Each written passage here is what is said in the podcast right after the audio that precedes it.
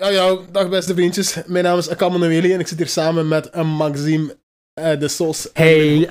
en mijn homie Joran. Joran, Yo. wie zijt jij? Ik ben Joran. Oh, wat doet je hier? Ik ga vandaag over bepaalde onderwerpen meebabbelen en vragen stellen over de dingen die ik niet begrijp. Exactly. Dus eh, Maxime, we zijn hier bij aflevering 2 van Wat zeggen ze? En wat Inderdaad. doen we bij Wat zeggen ze? Ja, wat zeggen ze? We hebben het vorige keer ook al gezegd. Wat zeggen ze is heel kort, om een paar woorden samen te vatten. Want vorige keer hebben we dat heel uitgebreid besproken, misschien te. Wat zeggen ze? Mensen zeggen dingen, inhoudelijk, wat ze letterlijk vertellen zijn. Je kunt dat lezen, je kunt dat horen. En dat gaan we verbinden met wat ze echt bedoelen. Wat is de betekenis die erachter zit. En dus eigenlijk is het ook een beetje de bedoeling om het ook overzichtelijk te houden. We gaan heel bazaal werken, we gaan dat op een laag niveau beginnen. Bazaal, heel laag beginnen. Ehm, om het simpel te houden. Het moet overzichtelijk blijven voor de mensen, dat ze mee zijn, dat ze mee kunnen zijn. En dat is Oh. ook het idee. Oké, ça va. Dus eh Maxime heeft gezegd wat, wat zeggen ze, wat dat is. En eh vorige keer bij de eerste aflevering, wat hebben we toen gedaan? We hebben veel te lang gesproken over wat dit is, wat zeggen ze is. Daarna hebben we door de omstandigheden, dat was één dag na de aanslag in Nieuw-Zeeland, heel lang gesproken over de Nieuw-Zeeland-aanslag in Christchurch. En daarna zijn we overgegaan naar de zingeving en de religie, toch een beetje. En eh, nu, in de tweede sessie, gaan we de volgende punten aanhalen. De ecoterroristen of de klimaatactivisten, hangt er vanaf waar je staat. We gaan het hebben over de brexit en de wilde avonturen van de gewone Britse man. We gaan het hebben over de klimaatheffing. En tenslotte gaan we het hebben over het onderwijs. Ik voel Wow, me soms Wacht, van... dat kan ik moet niet even stoppen. Je zei juist klimaatheffing. Sorry. Dat kan ook wel kloppen als de groenen aan de macht komen, maar Ja, waarschijnlijk. Nee, nee. Het ging over de kilometerheffing. exactly, kilometerheffing. En tenslotte gaan we het hebben over eh, het onderwijs. Ik voel me heel vaak van bovenwijs, maar ik hoop door jullie dat ik straks ook van onderwijs ben. I cry every time. Nee, oké, we, we vliegen erin. Hè. Ja, Waar zullen we mee beginnen, mannetjes? Ja, hangt er vanaf. Wilt jij eerst uw onderwerpen inleiden? Of... Want we hebben de vier onderwerpen ook verdeeld onder ons twee. Um, gaat het hebben over eh, de kilometerheffing en brexit. En ik ga het dan hebben over klimaat, ecologie en onderwijs. Ja, Dus ehm, exactly. Ehm, Maxime, aangezien ik een hele nobele mens ben en eh, ik geloof in eh, vrouwen eerst, maar soms ook uh, niks eerst. Dus Maxime, ga maar voor en begin maar over die klimaat. zit je daar weer met dat woord? Maar welk deel is het nigger of vrouw? Wat? Ah, ja, dat had ik in het midden. Maxime, Puur een chef, doe maar. Doe Typisch. maar. Ik laat dat in het midden. Exactly, doe maar, jong. Ehm, ja. Oké, dan ja, we hebben twee onderwerpen, klimaat, ecologie en onderwijs. Begin met klimaat, ja. We zullen beginnen met klimaat. Ja. En ik zou graag onderwijs daarna willen nemen om daar Klimaat is nu het hotste onderwerp, hè. Ja, ja. ja, het is heel actueel geweest. Ehm, dus de quote. Want ja, we, we hebben een bepaalde structuur en dat is dat we altijd eerst een quote bovenhalen, iets citeren, wat iemand heeft gezegd. Hè? Wat zeggen ze? Ehm, Over klimaat. We hebben dit vorige keer ook aangehaald. Een heel goede quote erbij is, wat je heel vaak hoort onder het volk, onder de gewone man, is, en ik zeg, al die groene taxen die ze ons gaan teweegbrengen, ik ga dat niet kunnen betalen. Het is eigenlijk een soort ehm, ja, complot eigenlijk, waarmee ze eigenlijk ons meer geld uit de zakken willen graaien. Dat is, dat is een citaat dat je vaak hoort. Ja, het is voor Ehm, mensen moeilijk om eh, Tuurlijk, te vatten. tuurlijk. Ja. Ja, en- en de situering daar rond, je haalt het nu zelf aan. We kunnen zeggen van ja, dat is zever wat de mensen zeggen. Ja, die citaat die ik net aanhaalde. Liever Maar- niet. We kunnen het ook wel begrijpen, hè, vanuit een bepaalde bezorgdheid. Ehm, mensen hebben het al moeilijk. Vaak hebben ze ook andere problemen waarmee ze kampen. Dan ja, kan het heel beangstigend overkomen. Als in één keer zo fel in het nieuws eh, naar boven komt. Ja, de klimaatmarsen met de jongeren die eh spijbelen. To be fair, dat vind ik wel mooi. Maar, sorry, ja. Ja, wat, wat, wat bedoel je? Ik vind het mooi dat die al die protesten doen om te tonen, het moet anders. Ja. Maar eh, inderdaad, we moeten wel de mensen aangeven van, het moet anders, maar daarbij moet niet iedereen achterblijven en Ja. het moet betaalbaar blijven voor, zij- voor de anderen. Nee, ik vind het heel goed dat je dat puntje al aanhaalt, want daar ga ik nu ook verder op ingaan. Ik kan de frustraties van de mensen begrijpen, maar ik begrijp ook wel de jongeren. Ehm, wat valt me heel veel op? We gaan het hier niet hebben over de technische uitleg. eh, wat zijn de oplossingen en de mogelijkheden voor het klimaat? Ehm, heel de context rond ecologie. Daar gaan we het niet over hebben. Eh, het is wat zeggen we. Wat zeggen ze? We zijn er al lang voorbij. We weten dat er een probleem is, we weten dat we iets moeten doen. En Voilà. dat weten we al 30 jaar. En nu wat? Voilà. nu? En dan moeten we vooral kijken naar hoe communiceren mensen met elkaar erover. Ehm, aan de ene kant, zoals ik net zeg, ik snap het standpunt van, van de bevolking. Eh, je, moet ook niet, je moet deze problematiek ook niet onderdacht aanpakken. De andere kant, de jongeren, ehm, die een engagement, dat wordt heel scheef bekeken. Ehm, men gaat er heel cynisch op in. En uh, terwijl ik juist vind, ja, dat is een jongere. Zitten nog in, volop in een identiteitsontwikkeling. Dat kan ervoor zorgen dat ze wat uh, beperkt zijn in een kijken door een bril naar de wereld. Kan ervoor zorgen dat ze de dingen wat zwart-wit zien. Dat is typisch hoe die hersenen op dat moment in die leeftijdsfase werken. Wil je zeggen dat ze niet weten wat ze zeggen zijn, of wil je zeggen dat ze het gewoon zwart-wit eruit leggen? Ze leggen het zwart-wit uit en ze weten wel wat ze zeggen, maar wat ze zeggen is vaak redelijk beperkt in een bepaalde cocon eigenlijk. Ja. Maar ik kan hen dat niet kwalijk nemen, want uiteindelijk is onze taak als volwassenen en van de rest van de samenleving om daar in gesprek met hen over te treden. Plus, je kunt geen slogan van uh, drie pagina's uitroepen. Hè. Voilà. Dat werkt Voilà. niet. Zo ja, zo werkt een betoging ook niet. nee. I mean, ja. dat eh, Sorry, ja, wij er hier. Ehm, dus eigenlijk heel kort samengevat. ehm, hoe pakken we dat aan? Hoe zorgen we ervoor dat we de jongeren enerzijds meekrijgen, maar ook anderzijds ehm, de bevolking, de jongeren horen daar ook toe. En dan heb ik het meer over ja, het oudere volk, die, wiens stem ik toch vaak zie op de sociale media en in eh, artikels en, en de reacties eh, die je daar kunt terugvinden.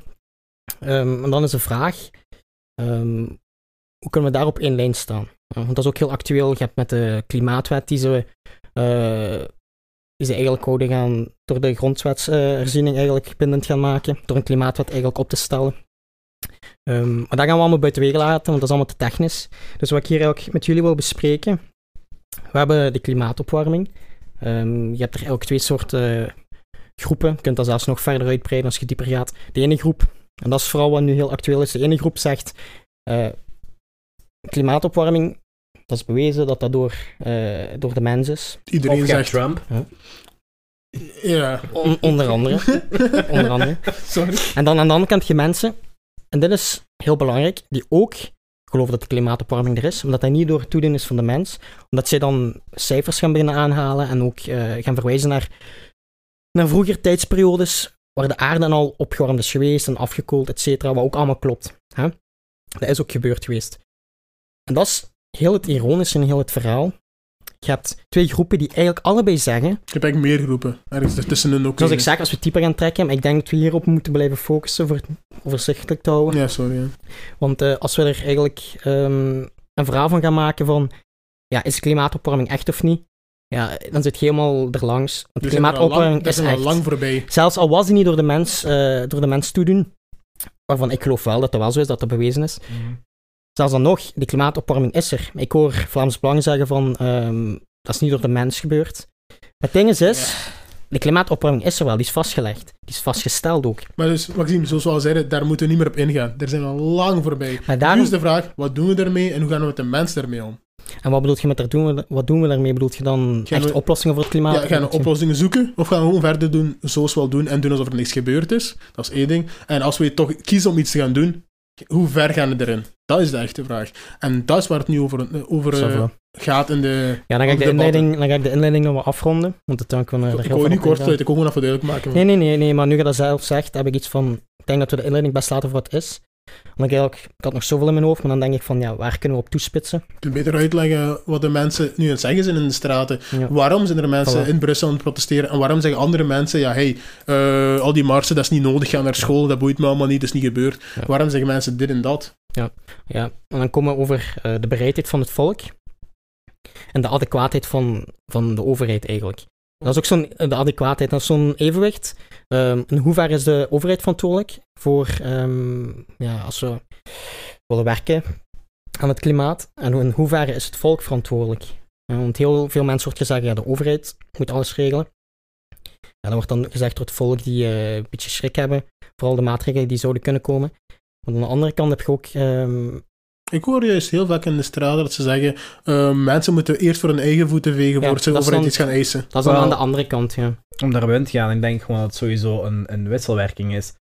De bevolking kan niks doen als de overheid geen stappen onderneemt en de overheid kan niks doen als de bevolking geen stap onderneemt. Klopt. Dus en, het is een wisselwerking van, van alle twee die groepen. kip en ei. We moeten het signaal geven aan de, bevol- aan de overheid dat we verandering willen. En andersom moet de overheid ook signaal geven dat we iets gaan doen. Anders gaan mensen gewoon blijven doen wat ze nu al doen. Mhm. En dat is de, mijn beef met de klimaatmars. Ik zei, ook- ik zei het ook al tegen een, paar, tegen een andere vriend. Eh, ik sta heel veel achter de boodschap die ze nu aan het propageren zijn in Brussel Ja. en in andere steden.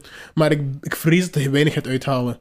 Mhm. Ze zijn wel heel succesvol in het onderwerp op tafel leggen, maar om daarmee naar een oplossing te komen, niet dat ze die taak hebben, maar Mhm. omdat ze daar, dat de regering daar iets mee doet, dat zie ik minder gebeuren, omdat ja, de regering doet meestal pas iets wanneer het echt een crisissituatie is, maar echt een crisis voor hun en al de rest. Mhm. Ja, dat is ook waar ik heel veel moeite mee heb. Ehm, met ons land specifiek, alles is zo complex, alles zit zo in elkaar verstrengeld. Dat als wij stappen zetten, als wij maatregelen stellen in het beleid, ongeacht voor welk domein, voor welke commissie dan ook, ehm, dat het dan vaak blijft bij een één-stapstrategie. En wat wil ik daarmee zeggen met een één-stapstrategie?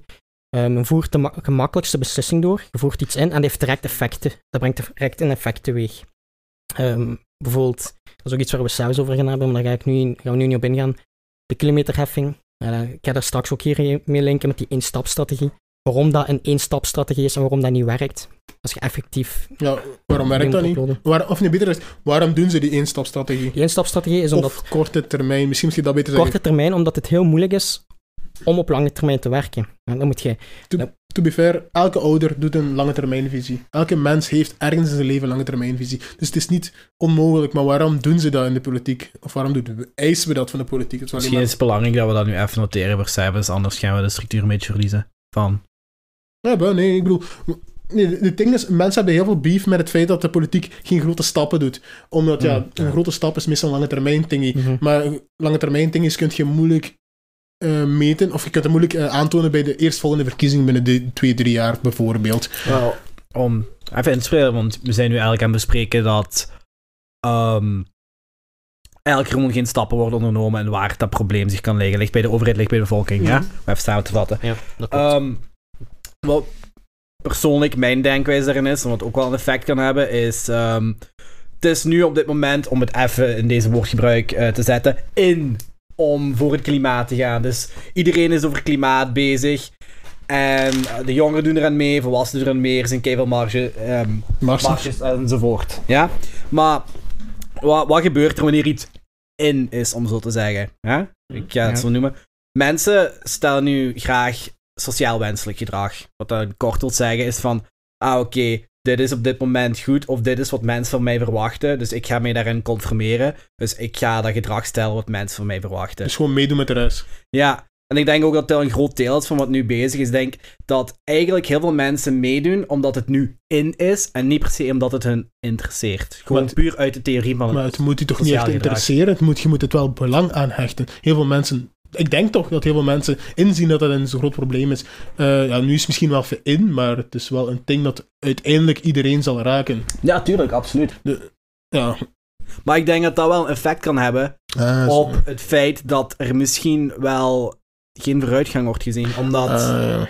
eigenlijk mensen meer meedoen en niet per se de insteek we hebben Ja. om dingen te veranderen. Ja, dat, doen, dat brengt me tot een ander eh, gelijkaardig punt. Je hoort heel vaak dat mensen echt helemaal mee... Allee, je hebt een groep die echt achter de klimaatbetogers staat, mee inclus. Maar je hebt een groep die er flagrant tegen zijn, om ze niet, dan noemen ze blijkbaar tegenwoordig Anuna-moeheid, omdat ze continu Anuna op tv zitten gooien. En dan Mhm. zeg ik, ik zeg het ook al tegen andere mensen, eh, mensen worden echt boos op Anuna en consorten, want ja, ze zien alleen haar en dan krijgen ze het gevoel van, hoezo gaat een puber ons vertellen wat ze moeten doen? En dan Mhm, denk ik, ja. ehm, Mensen niet zich bedreigd. ja, en dan denk ze, het is niet dat dat Anula ons aan het vertellen is wat we moeten doen. Die vraagt, kunnen we iets anders doen? En het is dan aan de politiek om het te, dan te doen. En die vraagt ook aan de rest van de bevolking, denk erover na, die legt ons niks uit, eh, niks op. En die Anuna-moeheid is niet noodzakelijk haar schuld of die groep van de cl- Climate Youth of whatever. Climate- Climate Youth, ja. Ja, het is de schuld van ons, omdat we er zo op inspringen, en de media, omdat we continu één persoon naar voren aan schuiven zijn. Terwijl eigenlijk, we moeten alleen praten over de boodschap. En de boodschap is, er is een probleem, we moeten eraan werken. Voilà. Hoe eraan werken, dat moeten we nog bespreken. Wat juist maar zeg. spreek, spreek er tenminste over. De, jongen, de jongeren die zijn vaak redelijk eh, oppervlakkig in hun ja, kennis van de klimaatproblematiek. Niet iedereen, hè, want ik heb ze niet allemaal individueel gesproken, laat dat even heel duidelijk zijn. Ik ga je niet stigmatiseren. Maar een enga- engagement is wel heel goed. Want er, er heerst zo'n beeld rond jongeren van, eh, die zijn lui tegenwoordig, kunnen zich nergens voor inzetten, zitten alleen maar thuis eh, lui op de zetel te liggen. Ja, en zij doorbreken dat beeld een beetje. Ja, Eh, ik was dus je kunt er iets mee doen. Treed toe tot hun. Zorg ervoor dat zij up-to-date kunnen zijn over wat de oplossingen, mogelijkheden en beperkingen zijn. Vooral die beperkingen in het klimaatdebat. Daar weten te weinig mensen vanaf. over het engagement gesproken. Er zijn mensen die zeggen, waarom spijbelen ze niet in het weekend of in de vakantie? En dan denk ik, ja, dude, dan is dat geen spijbelen. Zelf als staken doe je niet op een zondag. Hè. Maar Mhm. je, je wilt een punt maken, dat is één ding. Maar ook eh, afgelopen zaterdag was ik naar een, eh, ik ga het toegeven, een Jong CV-evenement.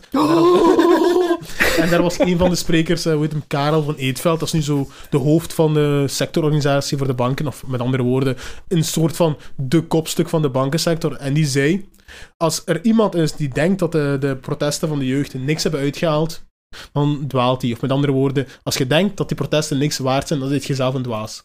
Want die protesten hebben het meeste uitgehaald. Die hebben gewoon heel het debat van eh, de moslims, de buitenlanders van de NVA, naar eh, klimaat, Klimaat, verschoven. Want dat zag ik ook aan die V-dagen. Die hebben zo verschillende V-dagen georganiseerd, waar die verschillende verkiezingsthema's naar voren hebben gebracht, de NVA. En ja, klimaat, dat was nu ook een heel belangrijk eh, verkiezingsthema voor hun. Ze hebben daar die kernenergiespecialist laten afkomen om te babbelen. En dan merk je toch van dat het toch een beetje hete adem op hun heeft. Inderdaad. eh, Dus we- er wordt over gesproken, dus dat is hun verdienste. mhm. Maar nu naar de volgende stap. Wie, Wow. waar moet op inzetten? Persoonlijke verantwoordelijkheid of collectief? Moet de regering iets eh, doen of moeten de mensen iets doen? Eh, Ja, wie gaat er eerst op inspringen? Wilt jij er eerst Doe op maar, inspringen? Ik ga het gewoon kort even benoemen. Ik denk gewoon op dit moment dat we op een punt zitten waar ja, de overheid eerst een stap gaat moeten zetten voor de bevolking die stap gaat volgen. Dat is eigenlijk mijn korte mening daarover. Kippend, hè? Ja, ja. Ja, uiteindelijk is het wel zo. hè. Als je het circulatieplan neemt van Gent, het spreekt voor zich. Iedereen gaat er tegen zijn uiteindelijk op eerste zicht. Ik denk als ze hier iets drastisch en Hasselt zouden doorvoeren, ik zou er denk ik ook tegen zijn op eerste zicht. Iedereen is tegen verandering. Uiteindelijk is, je moet die overgangsperiode meemaken. Want uiteindelijk, het is voor de mensen die die overgangsperiode achteraf, uw kinderen, kleinkinderen, die gaan die niet door meegemaakt hebben. Maar die gaan er geen probleem mee hebben. Snap je? Mhm. en, dat is, en, dan kom ik, en nu maak ik heel de koppeling terug naar die één-stap-strategie. Men kan niet op lange termijn denken, want politiekers tegenwoordig hebben moeite met eh, een beslissing nemen. Ehm, als ze niet de oplossing of zich kunnen inbeelden hoe dat gaat eruit zien. Snap je? Heel veel beslissingen, omdat de wereld zo complex geworden, heel veel problematieken zijn zo internationaal. Je kunt dat niet nationaal in eigen land altijd oplossen. Dat nu heel veel dingen die we zouden kunnen oplossen, pas opgelost zouden zijn binnen x aantal generaties. Maar dan moeten we daar nu de stappen voor zetten. Maar ja, als je dan, dat het zo ver weg ligt, dan is dan een ver weg van die bedshow, het is niet persoonlijk, je kunt het nu moeilijk inbeelden. Eh, dat- eigenlijk- dat- eh, ja. Ver van de bedshow-argument, dat valt ook al weg, want we zien ook in de afgelopen zomers Ja. dat het steeds droger wordt. Landbouw heeft het moeilijk en we weten dat de landbouw het echt extreem moeilijk zal hebben. Dus het ver van onze bedshow-argument is al weggevallen. Ook in de VS doen ze. Ja. nog steeds alsof het niet in de Ja. buurt is, terwijl ze dan eens de ergste winter hebben en de ergste zomer Ja, tegelijk. fair enough. ja. Dus Om het daar, is, het is hier. Het is nog niet erg hier, maar het is echt... om daar even op in te spelen. Ik ga misschien een beetje nostalgisch klinken nu. Maar als we nu even terugkijken, we zijn nu allemaal rond de 20. Ik zeg niet dat we super oud zijn, maar we beginnen op een bepaalde leeftijd komen. Als je terugkijkt eh, naar je kindertijd, vroeger pak 7, 8 jaar. Als je toen, als je op dat moment als kind in de lucht keek, denk ik dat je toen meer verbaasd werd van het aantal sterren in de lucht, als dat we nu zien wanneer we als volwassenen in de lucht kijken. True, ja. Kijk, Dat is ook effecten van, eh, van, van het eh, klimaat natuurlijk. Tuurlijk, maar ook eh, luchtvervuiling. hè. Gewoon een stad ziet je Ja. veel minder lucht. Wordt want alles heel wat veel stedelijker ook, en veel meer eh, stadslicht en zo ook. Ja. Maar ik kom maar zeggen, Maar ik snap wel wat je wilt zeggen. waar ik naartoe wil, wat ik wil gewoon zeggen is, het is een collectief iets. We moet, de overheid moet dus collectief iets Ja. doen, maar we moeten, alle mensen moeten mee Mhm. zijn of mee kunnen zijn. Nou, nog even verder om te spelen. Ik heb mis- misschien even wat theorie aanhalen nu. Maar we zijn allemaal opgegroeid in, in een cultuur, ja. Dus de- onze cultuur is hier België. België bepaalt eigenlijk wie wij zijn als persoon. Welke waarden en normen wij hebben. Eh, Onder andere. mhm. België heeft een overheid. En een overheid maakt... Of zes. Nee, we gaan het hier niet hebben over eh, nee, een potentieel confederalisme. Ja, hè. verder. De overheid bepaalt de wet. Ja? Dus die, de, de wet zijn de, de normen waar wij als mensen in, in een samenleving ons aan moeten houden. Dus doordat wij eigenlijk al door onze cultuur zijn gevormd door onze overheid, die wij bepalen wat wij belangrijk vinden, En welke stappen we moeten ondernemen om, om ons goed te gedragen als mensen, om het zo te zeggen. Nadat wij zo zijn gevormd, is het belangrijk dat de overheid de eerste stap neemt. Want de overheid zorgt ervoor dat wij ons conformeren aan de normen. Want de overheid stelt de normen en wij conformeren ons aan die normen en, en volgen deze normen. Ik denk juist, de maatschappij stelt, een, eh, stelt een, ten toon wat we willen. De overheid stelt het dan in regelsvorm en dan volgen we dat allemaal collectief. Dus eigenlijk begint het wel van onder, maar te skippen, ei, we moeten als mensen tonen dat we naar die richting willen en dan zal de overheid pas reageren. En dan Maar ik kunnen we allemaal samen naar net gaan. allebei zeggen. Ja. Want eigenlijk kan jullie allebei zeggen, klopt allebei. Ehm, vroeger, mensen hadden heel veel vertrouwen in de politiek. En men had vroeger bijvoorbeeld ook heel veel gezag voor leraren. Hè? Waar we ook zelfs bij onderwijs op gaan ingaan. Maar tegenwoordig, eh dat vertrouwen in de politiek is heel veel gezakt. Ehm, als vroeger een politieker iets zei, alles was veel nationaler. eh je wordt niet zo verbonden met de rest van de wereld. En je hebt al die sociale media, Facebook, et cetera. Plus die zeiden iets en Ehm, dat stond in de krant voor een week en that's it. Ja. Nu zeggen die iets en die worden twee dagen later al kapot gemaakt en Ja, dan voilà, ze je weer naar iets de- anders zeggen. Als je naar de reacties kijkt, ehm, als een politieker iets zegt, het wantrouwen is heel groot bij de mensen. Dus nu, ik snap wel wat Joran zegt, want nu kun je niet meer... Het gaat niet meer direct vanuit het volk zelf komen, ook niet, denk ik. Want ja, vroeger was het eerder van een politieker stelde een beslissing en het volk gaat er misschien direct in mee. En dan kom ik bij uw punt eigenlijk, dat het ook van onderuit moet komen, ook wel ongeveer. Het volk zal niet altijd, zeker nu niet meer in deze huidige tijd, zo, zich zo snel laten meetrekken. Ehm, Moeilijk, moeilijk. je moet het volk meekrijgen in het verhaal. En tegenwoordig, ja. Maar Er daarmee zoveel ook- informatie van alle kanten. Daarmee wil ik het zeggen, het is een wisselwerking. Maar bij eerder in het gesprek hebben we aangehaald van wie moet de eerste stap zetten. En daarmee blijf ik bij mijn punt van de overheid gaat de eerste stap moet zetten. En dat is de taak aan een volk dat zij hun, hun kant van het Ja. verhaal doen. En die ook effectief die stappen ondernemen die de overheid opstelt. Ja, dat is waar. En Maar daarmee, nu wil ik wel even terugtrekken naar het hoofdpunt, alleen naar de actualiteit. We zijn Aha. nu in een, eh, twee maanden voor de verkiezingen. Mhm. Eh, we zijn, alle partijen proberen zich te profileren. Eh, ik ben hier niet om te zeggen, mijn partij, partij is de beste. Mhm. Ik ben ook hier niet om te zeggen, de andere partijen zijn de snulletjes. Ik wil even zeggen, ik wil best wel even aangeven waar wij, waarvoor sommige partijen staan, of tenminste in welke hoek ze zich vinden. Maxime heeft juist twee types aangegeven, van degene Ja. die helemaal tegen zijn of daar niet mee in zijn, en degene die helemaal voor zijn. Ik wil eigenlijk, eh, er zijn, je kunt dat in on- oneindig veel gro- groepen opdelen, maar ik wil meer naar drie groepen gaan. Dus ik noem het de... Ik, sommige mensen noemen ze ecoterroristen, de anderen noemen zichzelf eh, de meest realistisch, omdat ze willen aangeven, er moet iets veranderen. Mhm. En die willen echt heel concrete maatregelen.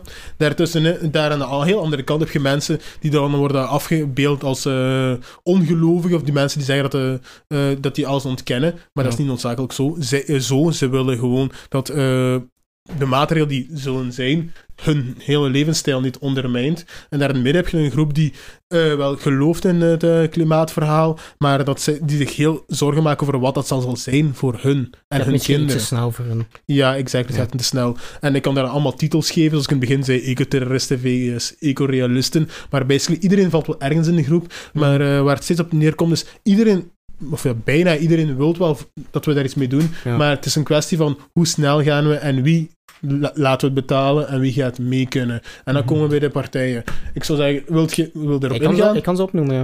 Ik Ga er maar op in. op. maar ik wil even Ehm, meedelen, Maxime zijn uh, souls en uh, nee, nee, grapje. Sorry, ga maar verder. Je hebt hier al meerdere Kan, maar opmerkingen ik wil wel gemaakt graag dat die je punt verder afmaakt. Ik wil zeggen, hij is deel van de partij, net zoals ik, maar ik wil liefst mijn bek houden voor mijn partij, want ik ben hier niet om eh, reclame te maken, dat doe ik wel op de Ja. Oké, oké. Nee, ça va. Ehm, ja, ik zal misschien extreem, aan de extreme kant te beginnen en zo naar het midden gaan en dan van het midden terug naar de extreme kant. Ehm, ik zal bij Vlaams Belang beginnen.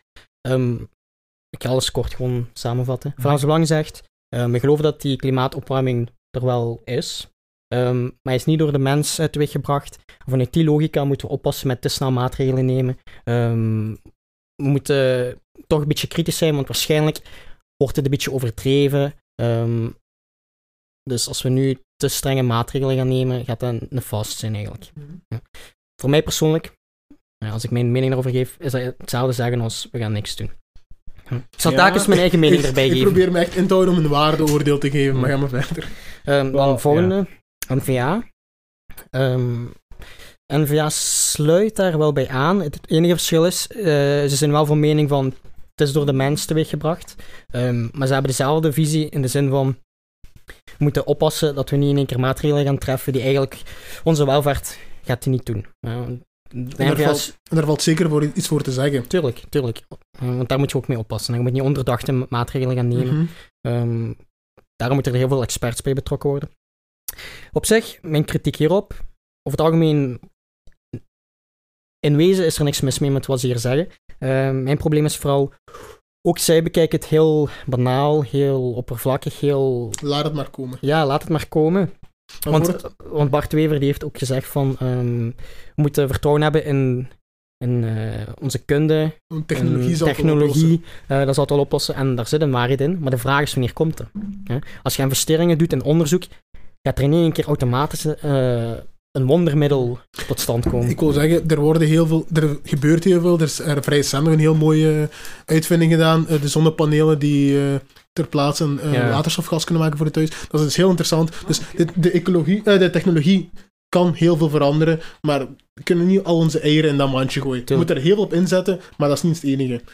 Het gaat Ja. weer hetzelfde zijn. Het, is een, dus wel, het gaat weer een wisselwerking zijn tussen... eh, True. Maar dan moeten we wel effectief er geld op insteken, want dat doen we... Nu komt dat geld vooral uit de privé, en terecht, maar we mogen ook actief als eh, samenleving zeggen, we moeten heel veel erop insteken. Ja, burgerparticipatie is ook wel belangrijk. Niet noodzakelijk, niet noodzakelijk. Niet dat ik tegen burgerparticipatie participatie ben. Mhm. Dat is een woord dat wil zeggen, de, de burgers steken er zelf hun geld in. Eh, mijn probleem daarbij is, is dat het dan eh, alleen maar gaat over zij die al geld hebben, die Ja. geld kunnen kwijtspelen, eh, geld te veel hebben, die kunnen dan geld inzetten op een bepaalde project en daar dan op zoveel jaar geld op Maar je terugtrekken. moet ook andere mensen Maar, meekrijgen die ja. het geld niet hebben. Er zijn heel veel mensen die het geld niet hebben. En twee, dat gaat niet noodzakelijk snel genoeg. We moeten Mhm. collectief iets doen. En daar komen we trouwens ook toe, want we zijn alle partijen nog Ja, niet af. van- dus volgende partij. even eh, Sorry. toch verduidelijking te vragen. Met burgerparticipatie ziet je het dan echt dat elke burger een bepaald bedrag per maand aan, aan taxen eigenlijk in... Nee, nee, nee. nee. We projecten en een zo. voorbeeld hiervan van burgerparticipatie, en dat krijg je Ja. heel vaak in je mailbox of in je brievenbus. Ja. En dat is dat, eh,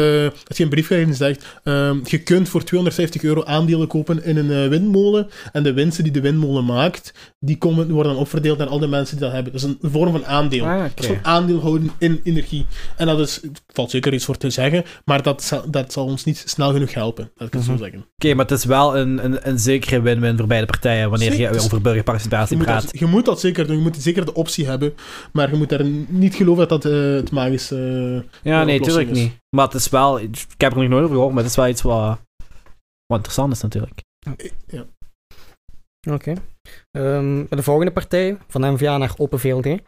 Pff, dat vind ik een moeilijke nog. Dat vind ik echt een moeilijke. Laten Die, we prof- eerlijk laten we goed die toegeven. profileren ik heb, zichzelf niet. laten we even toegeven, ik heb beef met de Open VLD, dus ik ga er niet veel over zeggen.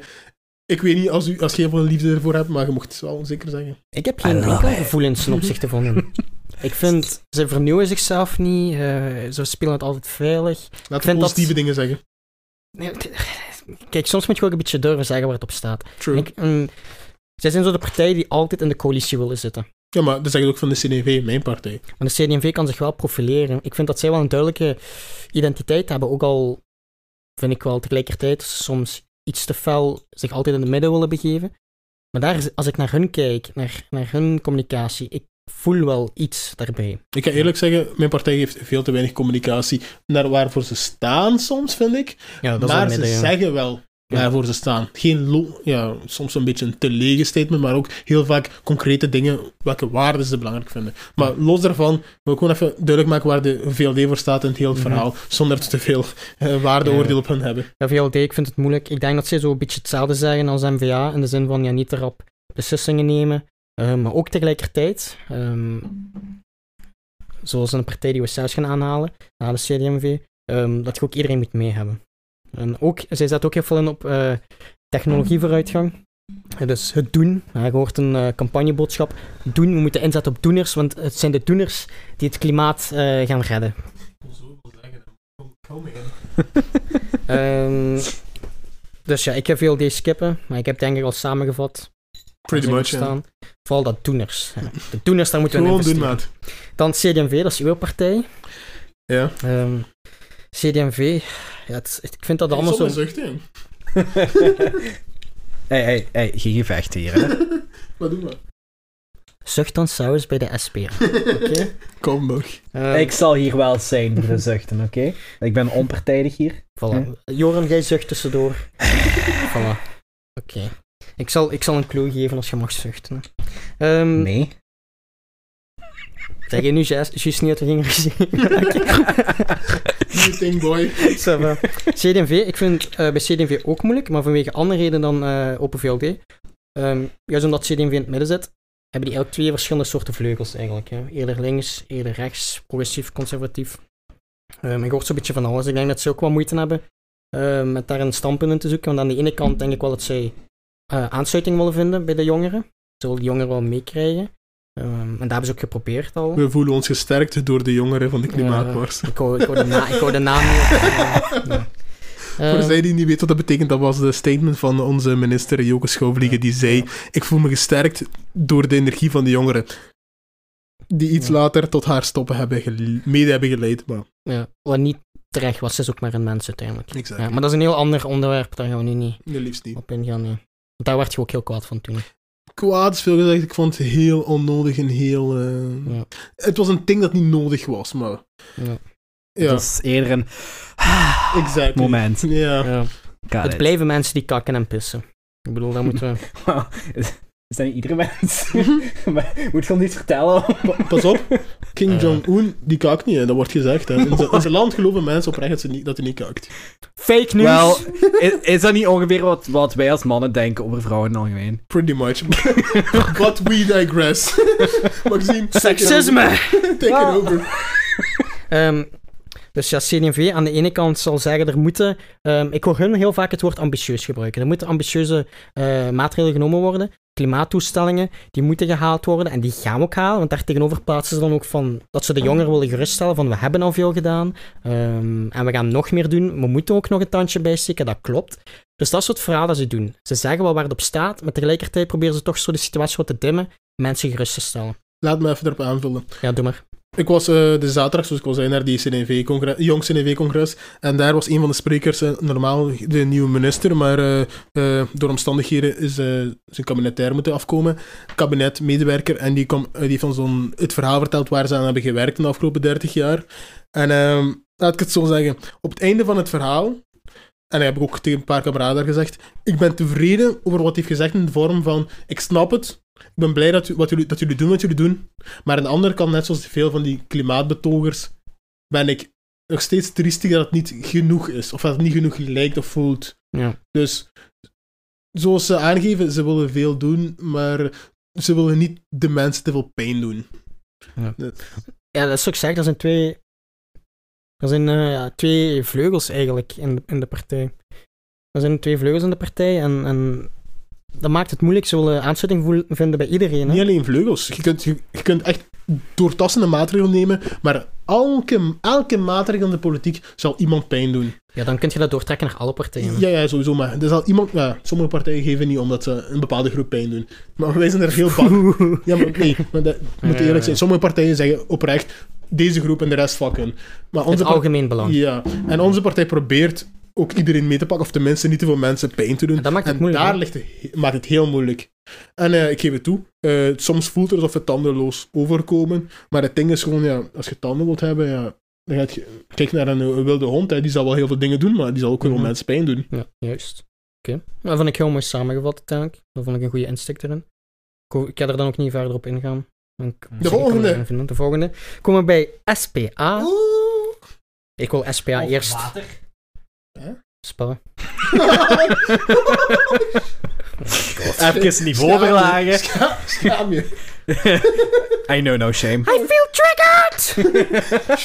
Shame on us, because we laughed. That's what I do. And make you regret you even laugh at life. ik zal het anders zeggen. Socialistische Partij Anders. Spa. Ah, daarvoor staat die Fuck you, Johan. Ah, dat staat voor anders. Ah, Serieus? Antwerpen. Anderstaligen. Het alles kunnen zijn, ja. Maar dat weten we. Socialistische Partij anders. Ah, shit. Oké, sorry. Met die knar gaan we verder. Well, this stays in. Dat knippen niet uit, dat mag zien. Nee, nee, hou dat ermee. Gaan we verder. Oh shit. Zelfhumor. Ja, voor de mensen die het nog niet duidelijk is, ik zit bij de SPA, ik ben een socialist. Maar ik kan wel met, van water. ik kan met humor lachen, even ter verduidelijking. Ehm, de SPA, daar kan ik heel duidelijk in zijn. Eh, niet alleen door het feit dat ik bij de SPA zit, maar omdat zij ook heel duidelijk zijn in hun communicatie. Ehm, ze zijn wel voor groene maatregelen. Wat, wat groene maatregelen ook mogen zijn. Maar ehm, ze proberen zo'n antwoord te bieden tegen het probleem waar groen mee zit. Want zelfs kom ik ook bij groen. Heel veel mensen maken zich zorgen dat er groene taxen gaan komen, dat dat heel veel geld gaat eh, vragen. SPA zegt, we zijn voor groene maatregelen, we zijn voor het klimaat, we willen daarop inzetten. Maar dan moet iedereen mee kunnen. Dat is ook samengevat. Dat is, zeggen. ja. Dat is ook, eigenlijk hebben we dat al, al een paar keer Dat, is, gezegd, dat, dat hebben de andere twee voorgaande partijen ook gezegd. Voilà, voilà. Het enige verschil is, SPA, die kunnen daar heel duidelijk in zijn. Die kunnen gewoon zeggen, dat is. En dan de vorige partijen zo snel hebben gezegd, daar ligt dat heel moeilijk, omdat ze iedereen tevreden willen houden. Mhm. En SPA heeft maar twee kanten. De ene kant die aan hun kant staat, en daarbij kunnen ze die boodschap gebruiken. En de andere kant zijn de mensen die SPA gewoon uitkakken en die SPA niet meer mogen, want SPA is langzaamaan naar de kiesdrempel aan het zakken. Voilà, voilà, voilà. Maar dat is weer een ander verhaal Ja. een andere keer. En wat was de andere partij? Eh, dan hebben we nog groen, die ik zojuist heb aangehaald. De watermeloen volgens de Bart de Wever. Ja, watermeloen. Groen aan de buitenkant, maar rood van binnen. Wordt gezegd. wordt gezegd. Eh, ik zal maar u besparen wat hem gezegd heeft over CD&V. Ah, amai, amai, amai. Eh, groen. Ehm, ja, die willen echt dat er concreet en, en snel en drastisch ingesprongen wordt ehm, in het beleid. Ze, ze waren ook voor die bindende klimaatwet. Ehm, eh, dus bij hun moeten we, mogen we niet wachten. Eh, ze zeggen van het is al te laat, eh, we hebben al veel te lang gewacht. En op zich, daar is ook wel enige argumentatie rond die we kunnen Ja, we weten het al 30 jaar. We hebben nog in principe 12 jaar voor, iets, voor het echt op te lossen, voor het te ver gaat en niks meer kunnen doen. Dus ja, en ik, ik zever niet, 12 jaar is onze tijd die we hebben voor Ja. het echt te stoppen. Als ik al die ma- al de partijen bovenlopen, zou ik daarop willen ingaan, omdat daar ook heel veel eh misbegrippen is, heel veel desinformatie. Ja, dus ja, die die 12 jaar Maar- is niet wil zeggen over 12 jaar uit de wereld ontploffen. Dat wil zeggen over 12 jaar, als we aan dezelfde tempo blijven doordoen, dan zitten we in een situatie dat we dat niet meer kunnen omdraaien. Dat is het 12 jaar. Ja, ik heb het al samengevat, dat zou ik wel zeggen. Want iedereen zegt van ja, dat de jongeren, of ja, mensen die voor het klimaat zijn, denken van binnen 12 jaar gaat de wereld eh, ontploffen of weet ik veel wat. Nee, het is gewoon uiteindelijk, we zijn er al heel lang in. En binnen 12 jaar, zoals je zelf zegt, gaan we op lange termijn waarschijnlijk het niet meer kunnen omdraaien. Ja, ik had eh, een tijdje terug nog met mijn, met mijn cousin, mijn neefje, ik heb dat gevraagd aan hem, die is mee gaan doen met die klimaatmarsen. Eh, ja. Sorry. Ja, dus, eh, ben, die is mee gaan doen met klimaatmarsen en ik vroeg zo, wat denk je van die klimaatmarsen? Denk je, hoe staan we ervoor? En wanneer denk je dat we echt iets moeten doen? En hij antwoordde, ja, of ja, ik stelde de vraag, hoe lang voordat het niet meer kan? En hij zei, ja, buh, 50 jaar, 100 jaar. Ik zei, Mhm. nee, doe het. 12 jaar en dan eh, onstopbaar en daarna kan het escaleren als je het niet aanpast. Ja. Maar, sorry, I digress. We Ja, ik moeten... ga het rap afronden. Eh, de laatste partij, P van de A. Ehm, dat is dan de extreem linkse partij. Ehm, en die staan dan nog linkser van de SPA. Zij zijn ook in de, in de lijn van groen. Maar bij hun hanteren ze de termen ecosocialisme. Eh, dat ze eigenlijk aan de hand van socialisme eh, het ecolo- ecologisch probleem wil oplossen. Ehm, dat is eigenlijk aan de hand van herverdeling. Maar daar kunnen we ook heel veel over babbelen, maar ik had het tijdstekort omdat we nog andere onderwerpen Ja, hebben. Dus ik zou het graag willen afronden door eigenlijk daar nog iets kort over aan toe te voegen. Ehm, en dan maak ik heel de koppeling terug naar het begin. Jij zei van, wat moeten we doen en wat kunnen we doen? En jij werd dan van mening van, we moeten het groter bekijken, want je kunt het alleen niet van onderuit alleen. Het moet van onderuit, Het moet van onderuit. van boven ook Maar het moet van boven anders heeft dat geen zin dat je van onder iets anders krijg je- probeert. Eigenlijk moet je van boven eigenlijk van onderuit meekrijgen. Ja, En dan, wat wou ik nu toevoegen, eigenlijk om het af te ronden, dan moeten we echt naar het Europees niveau kijken. Dan moeten we kijken naar de EU en dan moeten we kijken voor internationale maatregelen te nemen. En je zou kunnen zeggen, dat gebeurt nu ook al. Nee. Ja, ik wil- ik, ben, ik, ik ben heel fel pro-EU voor het idee, voor de gedachtegoed. En ik ben heel trots dat ik een Europeaan ben. Maar ik vind niet dat de EU, hoe de EU nu is, dat dat is zoals ze horen te zijn. Ik vind dat er heel veel werk nog aan de winkel is. sowieso. En dat dat veranderd moet worden. En ik denk dat dat iets is, dat kunnen we meenemen naar de volgende keer, om eigenlijk dat klimaat eraan te verbinden. Want het is op dat niveau dat je pas dingen kunt veranderen. Want nationaal, als je kijkt naar de cijfers, wat was België? 0,8% van de totale werelduitstoot. Dus als je alle mensen weinig. hier taxen gaat opleggen en dat ze een, hui, een isoleren duur gaat worden, en weet ik wat, veel wat allemaal. En uiteindelijk gaat dat maar een effect hebben van 0,8%, terwijl de rest van de wereld misschien niet mee is.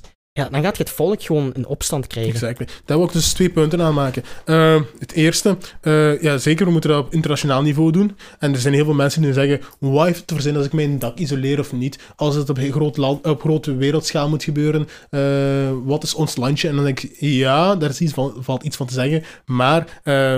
alle kleintjes maken een groot geheel. Plus, hoe kunnen we op wereldschaal eisen dat we iets doen als je op een kleine schaal niet eens doet wat je zogezegd wilt eisen? Dus als uw argument is, eh, het moet van bovenaf komen, dus ik doe Ja. niks, dan zeg ik, eh, stop met bullshit, je moet zeker iets proberen. Ja. Maar als uw argument is, we moeten het van bovenaf eh, beginnen, en dan zal ik meegaan, dan zeg ik, oké, ça va, maar probeer ook al eens iets te doen, of tenminste, het niet te saboteren.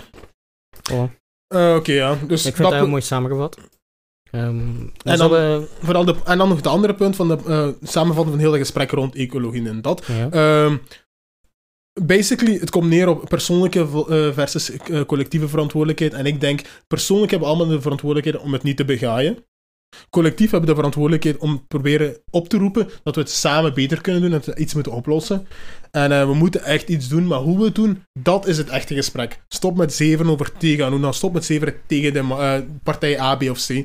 Maar zeg tegen jezelf, dit Mhm. wil ik doen, dit wil ik eventueel opgeven of verbeteren, maar we gaan samen nadenken over wat we gaan doen. En dan wil ik afsluiten met de volgende woorden. Minder politiekers en filosofen in het debat, meer, exper- meer experten aan het woord laten. Experten, maar ook de normale mens. Want dat is juist het belangrijkste, die wisselwerking tussen de experten en de normale mens.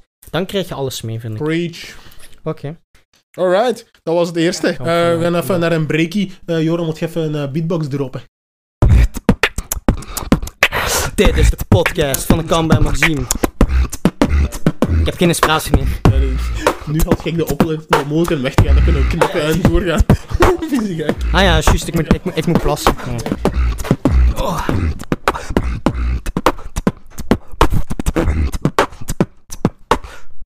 Oh, dang. Oh, shit. Ja, ja, we zijn weer terug na de pauze. En eh, ja, eh, door tijdtekort moeten we twee onderwerpen ik toch eh, graag op ingaan. Eh kortsluiten. Eh, het eerste onderwerp is de kilometerheffing. En daarbij is ook onze titel van heel deze podcast. En de titel was Iedereen is voor, behalve de Vlaming. En waarom is dit? Dus de kilometerheffing is een situatie waarbij ze extra kosten gaan rekenen per kilometer die je rijdt. Ehm, ik zal even beginnen met de quote eh, waar ik aan wil werken. En eh, dat was, de titel van de knakartikel heette Vlaanderen onderzoekt kilometerheffing op alle wegen. En de eerste comment op Facebook was, schat, waar liggen de gele hesjes? Om maar te zeggen. Dus we zijn aan het werken aan een systeem waarbij we minder eh, de, file, eh, de file kunnen verkorten. Waarbij we eh, in het beste geval, allee, sommigen gaan meer betalen, maar in het beste geval gaan de meeste mensen die niet te veel rijden minder betalen.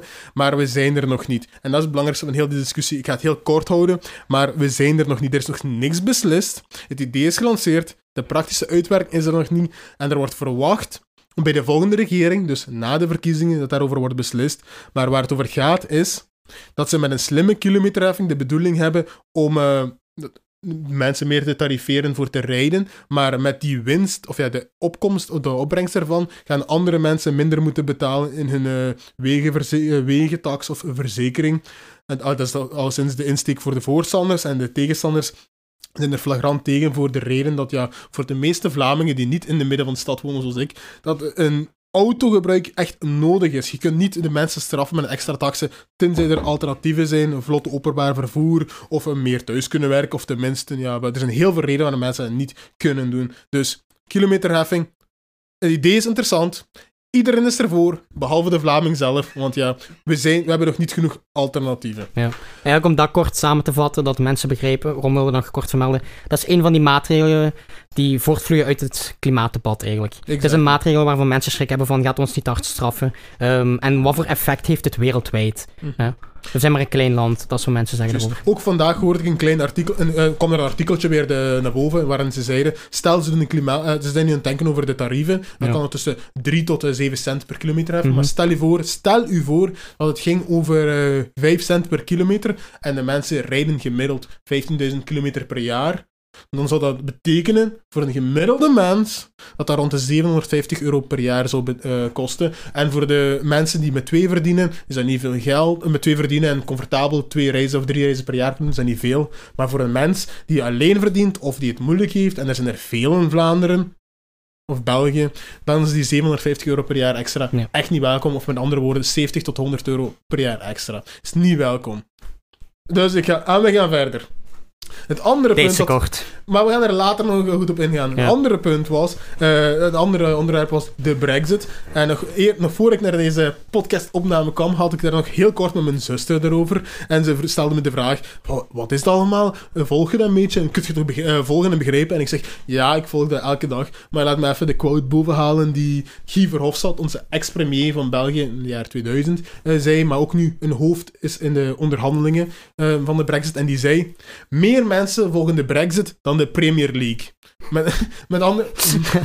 maar dus wat hij bij bedoelde is, iedereen zit er met zijn hoofd op, toch in eh, Groot-Brittannië, Mhm. maar niemand kan, zich daar, eh, kan daar een uit- uitslag op maken. Ja. Een andere quote die ik hoorde was vandaag een artikel en, eh, en dat heette BRS is een fantastische afwijking. BRS, Brexit Related Disorder. Dus een, Brexit, een, een afwijking door de Brexit, dat de meeste mensen die de politiek ergens volgen, echt beginnen scheid te krijgen van heel die uittredingscrisis en ze kunnen zich nergens nog op concentreren, behalve die bullshit van die Brexit. Ja. Voor ons in de Vlamingen, voor ons in België is dat niet zo speciaal, maar voor de mensen in Groot-Brittannië is dat wel echt een tingie.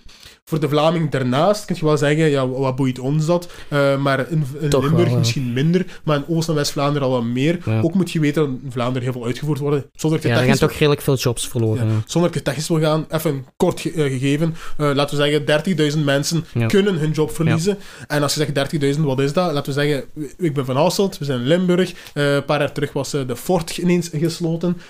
En daar verloren ook duizenden mensen job. En dat was een gigantisch trauma voor Limburg. Dus het kan heel veel pijn doen. Als je denkt, dat boeit mij niet. Maar het boeit wel zodra uw mama, uw zuster, uw tante of uw onkel zijn job verliest. Ja. Dus dat is iets dat we moeten bij stilstaan. En waar staan we nu en waar gaan we naartoe Waar daarmee? staan we nu? Bij de Brexit? No one knows. We weten niet waar dat naartoe gaat, want iedereen wil iets, maar niemand kan beslissen, want ja, is 50-50.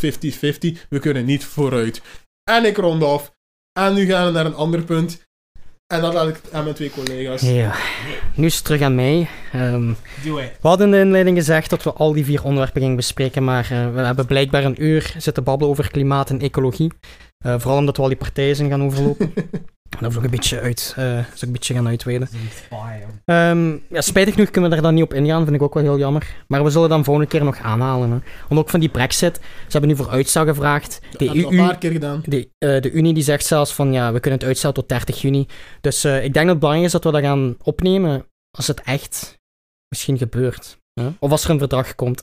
Ja, maar het is ook interessant om te weten waarom we nu al drie jaar bezig zijn met, bezig zijn met die bullshit en we nergens staan. Ja. Omdat dat ook in klimaat komen we dat tegen, ook in onderwijs komen we dat tegen, in elk punt komen we dat tegen. En het punt is, iedereen eist dat zijn punt wordt gehoord en zijn punt wint. Maar eh, de wereld is meer dan twee mensen, dan één mens alleen. Iedereen heeft een mening en dat Ja. is het probleem in de brexit. Iedereen eist, maar eh En daarom is belangrijk. deliver maar. Er is Da- geen compromis meer. Ja, maar daarom is het denk ik belangrijk dat we het later nog eens fatsoenlijk opnemen. Dus eh, heel spijtig wel. Ik kijk er wel naar uit, maar toch. Waarom? Kunnen we er niet zoveel op ingaan, omdat we het volgende onderwerp is heel belangrijk. Onderwijs. Het volgende onderwerp is toch iets waar we het heel uitgebreid over willen hebben. Ehm, dat is eigenlijk nog heel actueel, nog van deze week. Eh, er is een onderzoek geweest van de KU Leuven. Eh, en dat onderzoek is eigenlijk dat is alle onderzoeken en cijfers van de afgelopen jaren gaan samenvatten. eh, voor een beetje een rode draad te creëren, om dat overzichtelijk te maken. Omdat er, waren al heel veel stemmen die zeiden van, ja, er is een probleem in het onderwijs, er is iets aan de hand. Heel veel mensen zeiden al van, ja, we moeten toch een beetje voorzichtig omspringen. Eh, het is een beetje door aan het slaan, de slinger. Maar ja, daar was nog heel veel discussie over, heel veel oneenigheid, ja, geen duidelijke richting. En ja, nu dat onderzoek van de KU Leuven, ja, die knoop die is nu doorgehakt. Het is officieel, eh, het is becijferd in een onderzoek. Het kwaliteit van het onderwijs daalt. En wat, dat is heel vaag, ja, kwaliteit, vage termen.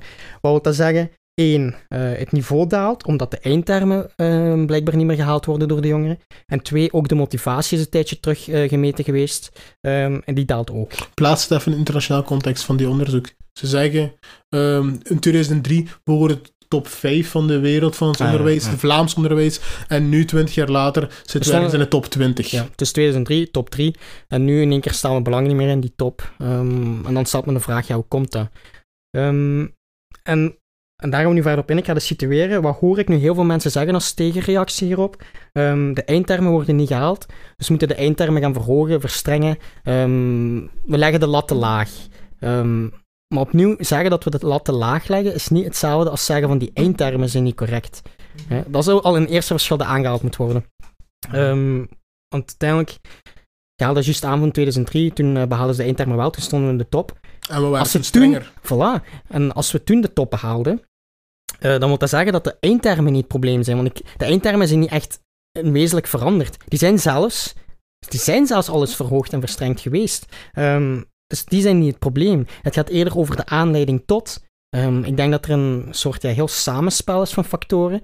eh, een invloeden van verschillende buitensystemen die we aan het onderschatten zijn. En dat is waar Ja. ik... Wel, Wat bedoel je met uh, niet buitensystemen? buitensystemen, eh, omdat ik nu geen concrete dingen vernoem, bedoel ik een buitensysteem, iets van buitenaf. Dat kan een groepering zijn, dat kan een organisatie zijn, dat kan een ideologie, ideologie zijn, dat kan een gedachtegoed zijn. Bijvoorbeeld, eh, en ik even uitoefent. advocaat van de duivel, of advocaat van de rechts te spelen. eh, veel buitenlanders, eh onderwijs daaronder. Is dat zo'n buitensysteem? Nee. Nee. Is dat een eh, terechte Nee. opmerking? Je kunt wel zeggen van, er is veel meertaligheid in het onderwijs. De Nederlandse taal, niet iedereen van de leerlingen die naar school gaan, hebben die even goed onder de knie. Dat kun je wel verwoorden. We zeggen van, wat jij op doelt, denk ik, wat de rechtse stemmen zeggen, migratie is een probleem, allochtonen is een probleem. Nee, hè? dat is iets volledig anders. Ehm, wat ik wil zeggen met buitensystemen is eigenlijk dat er heel veel invloeden zijn, vooral nu tegenwoordig. Eh, het onderwijs en de wereld van nu is niet hetzelfde als vroeger. Ehm, je kunt niet verwachten dat we terug kunnen gaan naar het onderwijs van vroeger. In de klas, één leerkracht vooraan in de klas. School was vroeger een heel afgesloten systeem. Hè? De ouders mochten niks zeggen tegen de leerkrachten, de leerkrachten hadden autoriteit. Ehm, en dat onderschat men. Al die invloeden.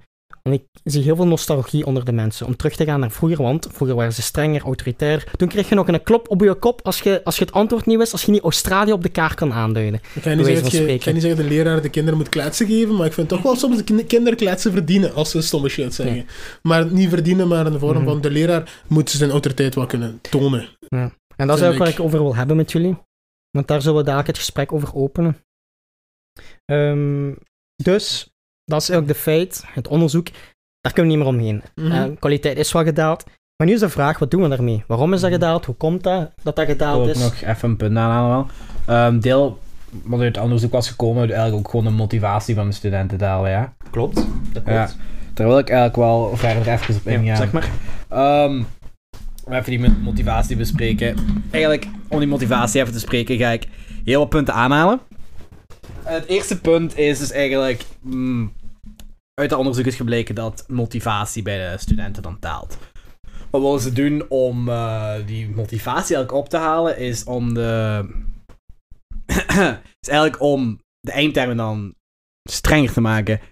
Maar ik denk persoonlijk nu niet dat dat de juiste methode is om zoiets aan te pakken. Omdat juist door het feit dat je als je eindtermen gaat strenger maken, dan gaat je juist gaan demotiveren, want het gaat alleen maar moeilijker worden. En de reden waarom dat demotiverend werkt, is omdat... Nou, waarom werkt dat demotiverend? Wel, kijk. Eh, we gaan nu eens gewoon even kijken op vlak van hoe het schoolsysteem hier in België eruit ziet. Hè.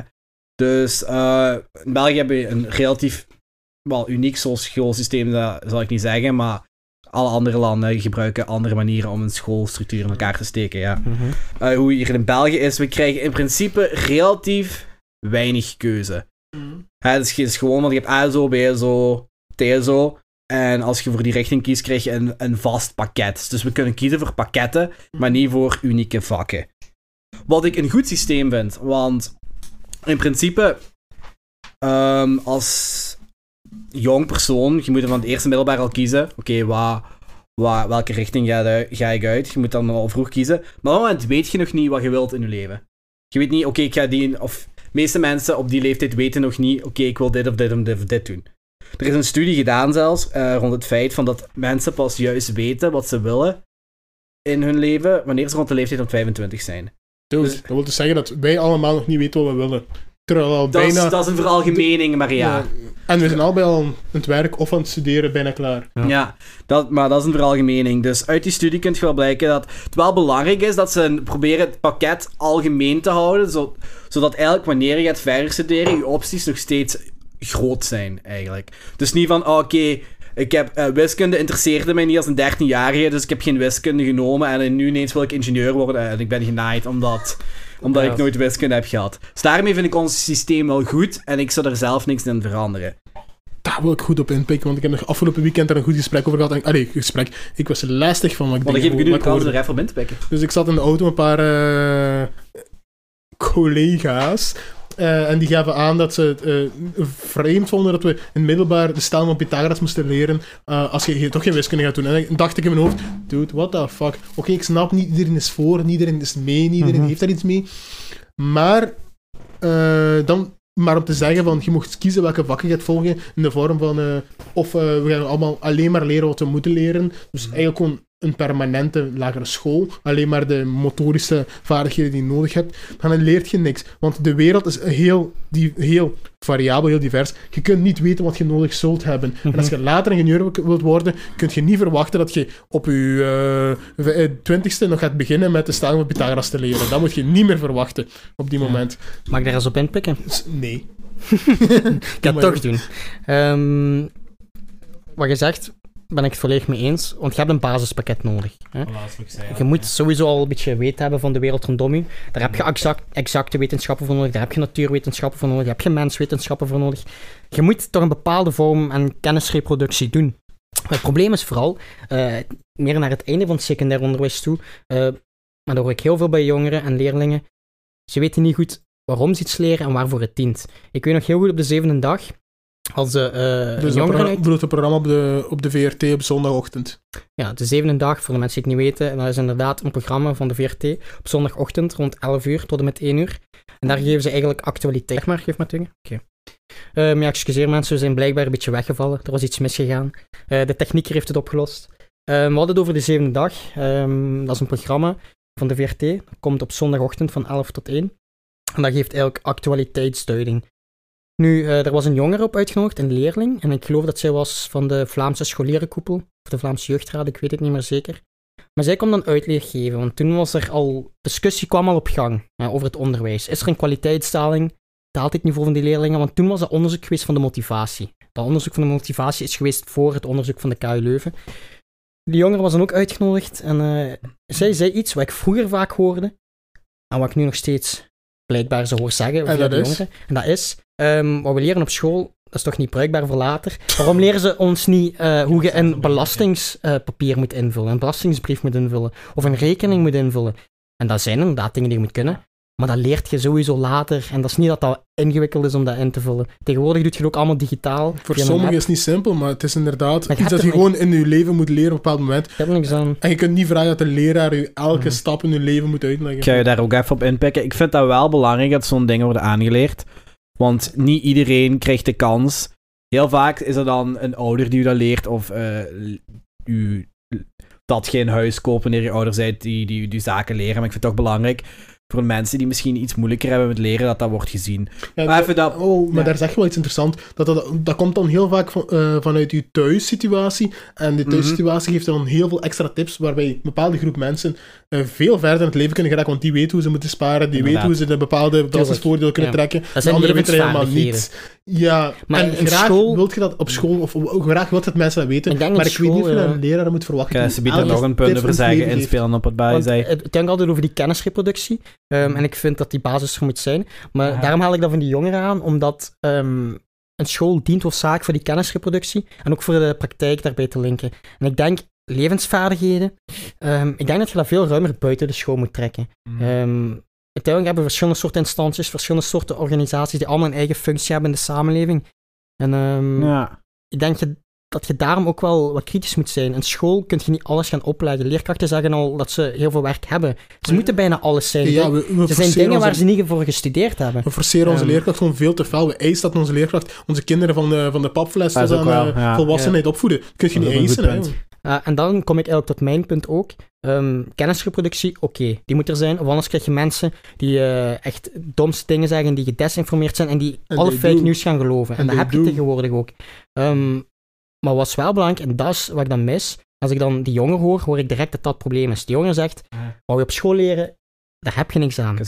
Maar die jongeren, die zien niet met welke links ze moeten gaan leggen, hoe dat zich tot uiting brengt in de wereld rondom hen. Je moet dat breder trekken, je moet, je moet de bril van de jongeren breder, gaan trekken, je moet hen gaan uitleggen en voorbeelden aanhalen waarom is die kennis belangrijk. Wiskunde, dat zijn er maar allemaal abstracte formules. Maar hoe heb je dat nodig? Als je iets gaat moeten doen, Ja. als je ingenieur wordt, hoe heb je die wiskunde, nodig? Wiskunde is abstract Maar ik tot even het vierde middelbaar. En dan wordt het ineens heel concreet als je de vragen stelt. Ja, Ik ga even op uw noodzakelijk. punt ingaan. Ehm in het algemeen, ik ga, even, ik ga even kadering geven. Ik was vroeger zo'n persoon, ik snapte niet waarom, waarom heb ik Frans. Ik weet toch dat ik Frans nooit ga kunnen. Waarom wiskunde? Ik weet toch dat ik voor opvoeding ga studeren. En, en zo verder. Ja.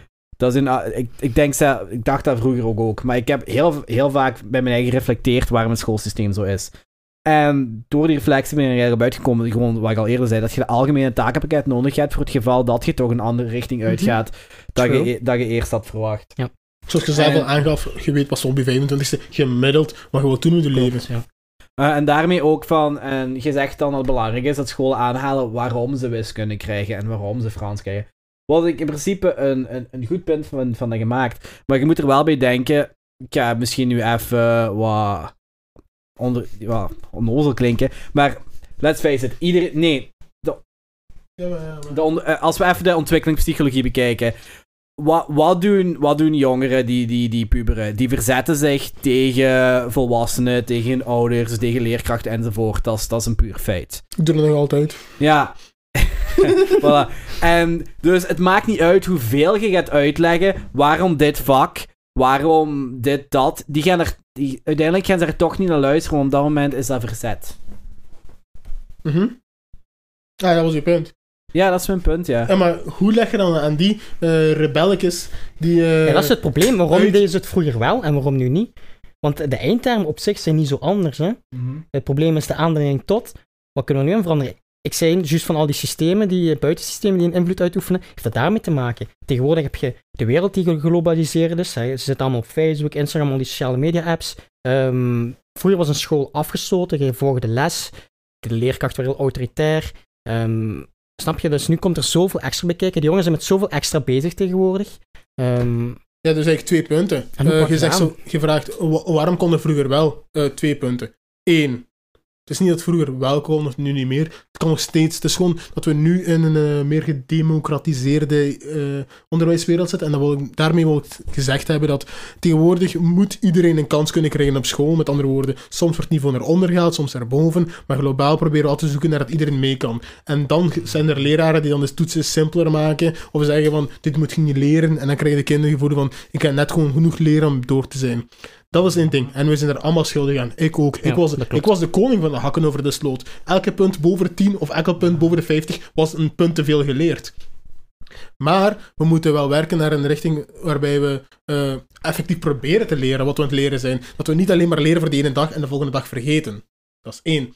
Punt twee. eh je zegt zo van. eh, de wereld is eh, groter geworden, er is veel meer. Ja, ergens wel. Maar anderzijds ook in de vorm van... We worden steeds meer gewezen op het feit dat we moeten leren we, we werken met vaardigheden, of we moeten kunnen zoeken, onder andere, maar zoals je zelf zegt, iedereen moet mee. Ja, we moeten kunnen opzoeken en niet zoveel onthouden. Dan denk ik, dan denk ik zo, ja, je moet kunnen opzoeken, maar je moet ook kunnen onthouden. Want hoe de fuck gaat je opzoeken wie de koning van eh, een bepaald land was 300 jaar geleden, als je gelooft dat eh, twee aardappelkorrels, twee korrels van een aardappel eh, samen een, een patat Ja, zijn. je moet de kennis al beschikken. Hè? Ja, je moet, je moet of ja, dat- mijn, mijn voorbeeld was retarded zelf, sorry. Maar Hm. hoe kun je verwachten dat iemand iets kan opzoeken en begrijpt wat hij opzoekt en weet wat hij doet? En als dat klopt, als ineens twee feiten die er rond staan, kan begrijpen of onthouden. Ja. Dus je moet onthouden voordat je kunt gaan opzoeken. En Ja. daar ligt mijn beef dan met onderwijs. Dat is ik zei, waar ik Mhm. niet te veel op ingaan is. Mijn beef met het onderwijs nu, is dat ze En dat is niet de schuld van leraren, dat is niet Ja. de schuld van de leerlingen, dat is niet de schuld van dit en dan dit. Dat is de schuld van alle samenraapsel. En dat is dat wij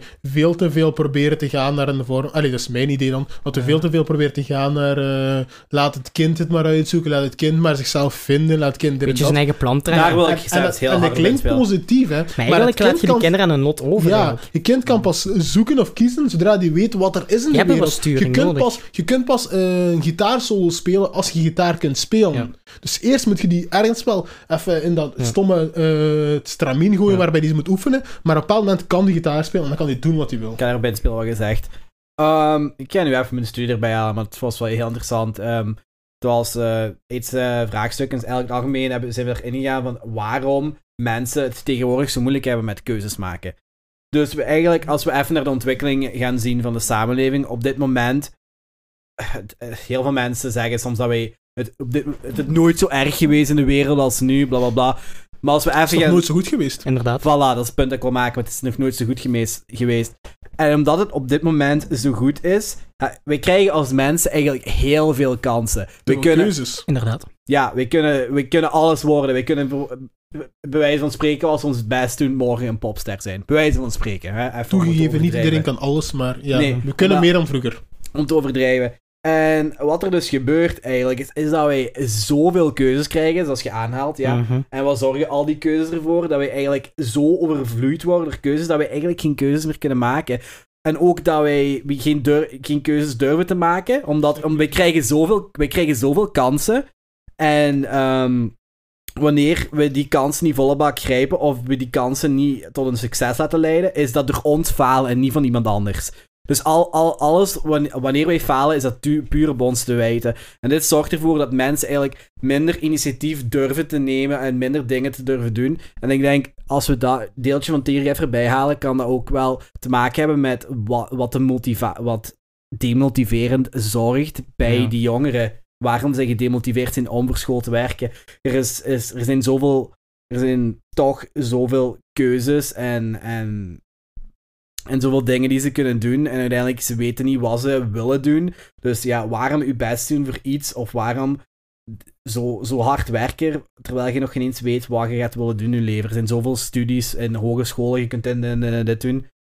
Ik weet echt niet wat ik wil, dus waarom zou ik er nu wel keihard voor werken? Exactly. Ik heb heel vaak het gevoel dat mensen eh, kritisch willen zijn, maar ze stellen de kritische vragen op de verkeerde momenten en op de verkeerde plaats en ze weten niet wat kritisch betekent. Ze zeggen zomaar, ik stel een vraag, dus ik ben kritisch. Nee.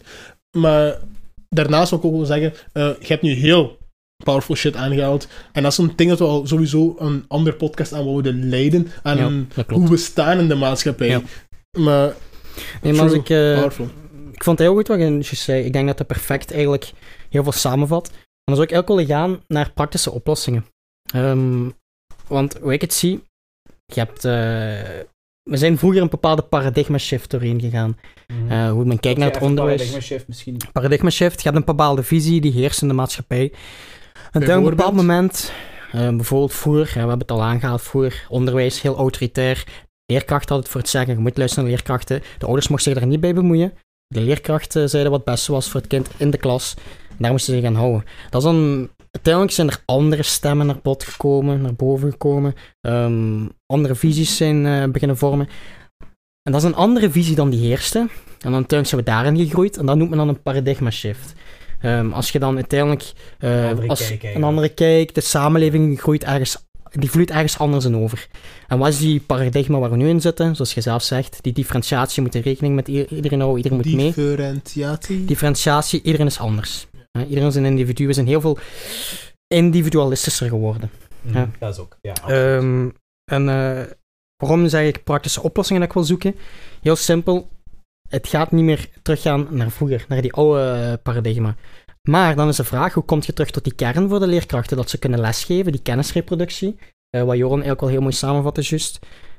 Ja, heel simpel. Als alles zo gedifferentieerd is, dat we dus zoveel moeten rekening houden met zoveel verschillende hulpvragen en zorgvragen, dan moet je ervoor zorgen dat dat niet langer de taak is van een leerkracht. Dan moet je iemand in het klaslokaal gaan betrekken die niet lesgeeft en die hoofdzakelijk met dat bezig is. Die als ondersteuning in de klas aanwezig is om de leerlingen individu- individueel te helpen bij een taak, bij een opdracht, eh, bij een stuk dat ze niet begrijpen, zodat de leerkracht puur zich kan focussen op het geven van de Dus les. om kort samen te vatten, Dus dat je eigenlijk van het onderwijssysteem een ik ga even een moeilijk woord gebruiken, een multidisciplinair team eh, van maken. En multidisciplinair wil eigenlijk zeggen dat, vers- dat je verschillende rollen hebt om een bepaalde problemen op te pakken. Ja, op het moment hebben alle leerkrachten eigenlijk alle taken op zich. Terwijl die taken tot eigenlijk- een andere functie kunnen toegeschreven worden uiteindelijk. Ehm, en ik denk als je een leerkracht alleen laat maar lesgeven, daar studeren zij voor, die di- didactiek krijgen ze mee. Als je dan al die taken die ze nu hebben gaat onderverdelen onder andere functies, dan hebben leerkrachten ook een beetje wat meer ademruimte. En dan kunnen ze ook beroep doen op andere mensen, als ze moeilijkheden hebben in de klas, of stel de klas werkt dus niet mee, dat, ze, dat die leerkrachten hun zorgen en de noden bij die persoon die bij hun als hulp in de klas extra staat, dan kunnen ze dat tegen die persoon zeggen. Bijvoorbeeld een opvoeder, maatschappelijk werker. Onder andere, ja, klopt. Ja, Ja, oké. ja. Maar dan, uiteindelijk, dat hebben ze al eens aangehaald eh, in de actualiteit. Maar daar hebben ze het heel moeilijk mee. Waarom? Dan komt je bij de loondifferentiatie van leerkrachten. En dat is ook weer een heel ingewikkeld woord. Ehm, dat wil zeggen, als er nieuwe functies bij komen, moeten ze daar weer middel en geld voor vrijmaken. Ah, aha, En dan moeten daar weer nieuwe barema's voor eh, samengevat worden. Dan moeten ze weer een overleg met de sociale partners. En dan hebben ze schrik, omdat leerkrachten, dat is een knelpuntberoep. En dat is een knelpuntberoep. En dan hebben ze schrik dat ja, het loon dat ze krijgen, dat dan gaat komen.